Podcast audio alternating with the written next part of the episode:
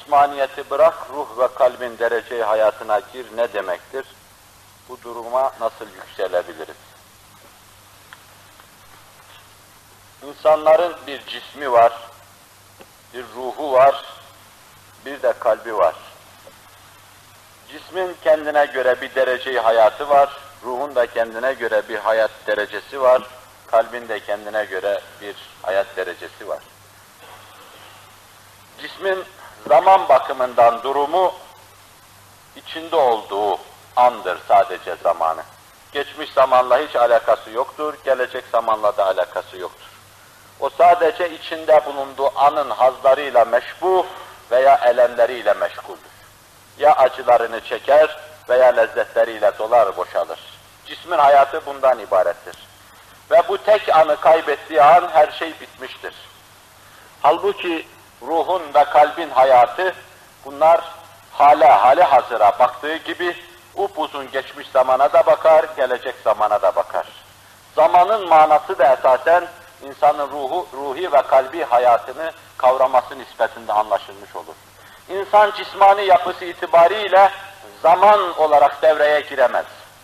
Zamandan istifade edemez. Zaman da o insan sayesinde tenevvür edemez. Zamanın bir manası vardır esasen. Zaman, kainattaki harekatın bir bakıma, o müthiş Einstein ifadesiyle, kainattaki harekatın bir sinema şeridine dizilir gibi esasen, itibari bir vücutla sinema şeridine dizilmesi demektir. Bütün tahavvülat ve tebeddülattan hasıl olan resimlerin bir yerde tespit edilmesi demektir. Zaman, mekanda hareket durduğu an, zaman denen şey de devreden çıkıverir bir bakıma. Fakat asıl zamanı kavrayan insandır ve insanlar arasında da insanı mümindir. İnsanı mümin olmayan bir insan, geçmiş zamanı sonuna kadar, gelecek zamanı sonuna kadar kavramasına imkan yoktur. O da dünyaya gelişiyle zaman denen dönem içine girer, çıkışıyla zamanın dışına çıkıverir. Mümindir ki esasen ezeliyet ve ebediyet mefhumlarını kavrayarak esma dairesini aşar, sıfat dairesi muhitine varır, hayret içinde kendinden geçer, bir bakıma kesbi ezeliyeti diyor gibi adeta, vacib vücut ve tekaddes hazretlerine ait mani kavramaya çalışır. Zamanın manası da esasen insanı müminde zuhur eder. Onun için kalbi ve ruhi hayat ancak insanı müminde olur. Kalbi ve ruhi hayat. Bir bakıma kefere ve fecerenin hayatı. Yani üluhiyete ait dekaiki bilmeyenlerin hayatı sadece içinde bulundukları zamana bağlıdır. Onların bir kalbi ve ruhi hayatları yoktur. Bir meselenin mukaddimesi olarak bunu düşünmek lazım. Netice olarak da şu hususu arz edeyim. Kalp ve ruhun kendisine göre bir dereceyi hayatları vardır. Kalp ve ruhun dereceyi hayatı bir bakıma cismani hayatı biraz ihmal. Onu kendi şartları içinde, kendi dairesi içinde mütalaa etmek ve ebedileşmek, bakileşmek için nazarını üluhiyet alemine dikmek, lahut alemine dikmek. Hazreti Mevlana mesnevisinde bir husustan bahseder. İnsanın iki yönü vardır. Bir yönüyle insan hayvan, bir yönüyle insan melektir. Bu iki yönün çarpışmasıyla geçer insanın bütün hayatı.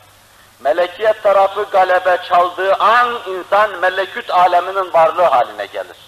Hayvaniyet alemi galebe çaldığı an insan toprağın, kesif şeylerin mahluka haline gelir. İnsan bu mücadelede, bu muharebede şayet melekiyet tarafına yardım eder, galebe çaldırırsa o ulvi alemlerin insanı, insanı ol, olabilir. Şayet ihmal ederse, kendisini timar etmezse süfli alemlerin mahluku haline gelir. Cemaatimizin pek çoğu tasavvufu hakikatları pratik hayatta yaşamadıkları için belki bu vadide arz edilecek şeylerin çoğuna derinlemesine vakıf ve muttali olamazlar. Ama derinlemesine gönül hayatını takip eden, bu mevzuda derinleşen kimseler esasen bu mevzuda kat ettikleri mesafelerle bunu çok güzel anlarlar. Bu mevzuda pratik tecrübeleri olan kimseler, gerçekten hakikata vakıf olan kimseler, yani pratikle hakikata ulaşan kimseler, hani Kant'ın bir tekerlemesi var, diyor ki, nazari akılla insan Allah'ı bulamaz. İnsan pratik, pratik akılla ancak Allah'ı bulabilir. Ancak amelle Allah'a varılabilir. Ancak amelle Allah vicdanda duyulabilir. İnsanın nazari planda Allah hakkındaki malumatı sadece nazaridir. Yani o bir ilmel yakine masardır sadece. Sadece bilir, kıstaslar öyle gösteriyor. Yani üç kere üçün dokuz eder. Ama üç kere üçü dokuz eder mi etmez mi? Bu işin hakkal yakinine vukuf şu kıstasların içinden çıkmaya bağlıdır.